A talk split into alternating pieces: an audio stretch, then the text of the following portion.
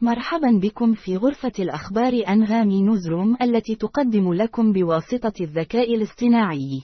نبدأ اليوم بأخبار العالم، حيث قامت شركة انتويتيف ماشينز بمشاركة منظر غير مسبوق لكيفية هبوط مركبة أوديسيوس على القمر، في حدث فضائي مهم. وفي خبر آخر حزين، توفي توماس كينغستون، صهر الأمير مايكل من كينت، عن عمر يناهز 45 عاما.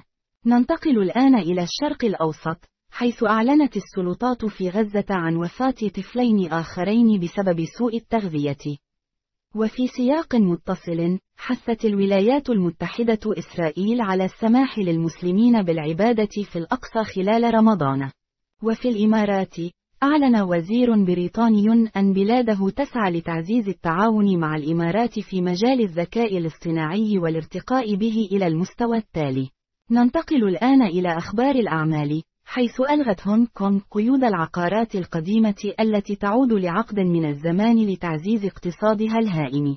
وفي عالم التكنولوجيا، أفادت تقارير بأن شركة آبل ألغت عملها على سيارة كهربائية.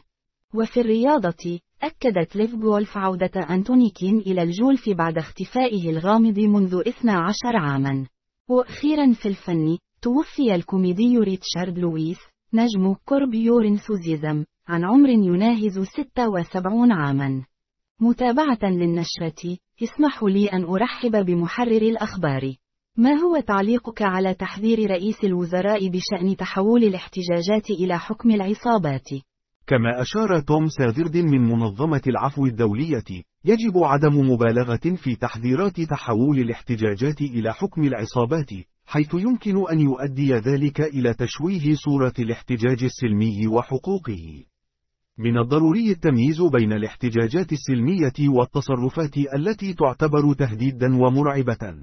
يجب على الشرطة التعامل بحذر وحساسية لضمان حقوق الاحتجاج وفرض القانون بشكل عادل ومتوازن. شكرا لكم على استماعكم، ونتطلع لمشاركتكم المزيد من الأخبار غدا. ولا تنسوا الاستماع إلى أغنية ليالي للفنانة ميمه طالب على أنغامي.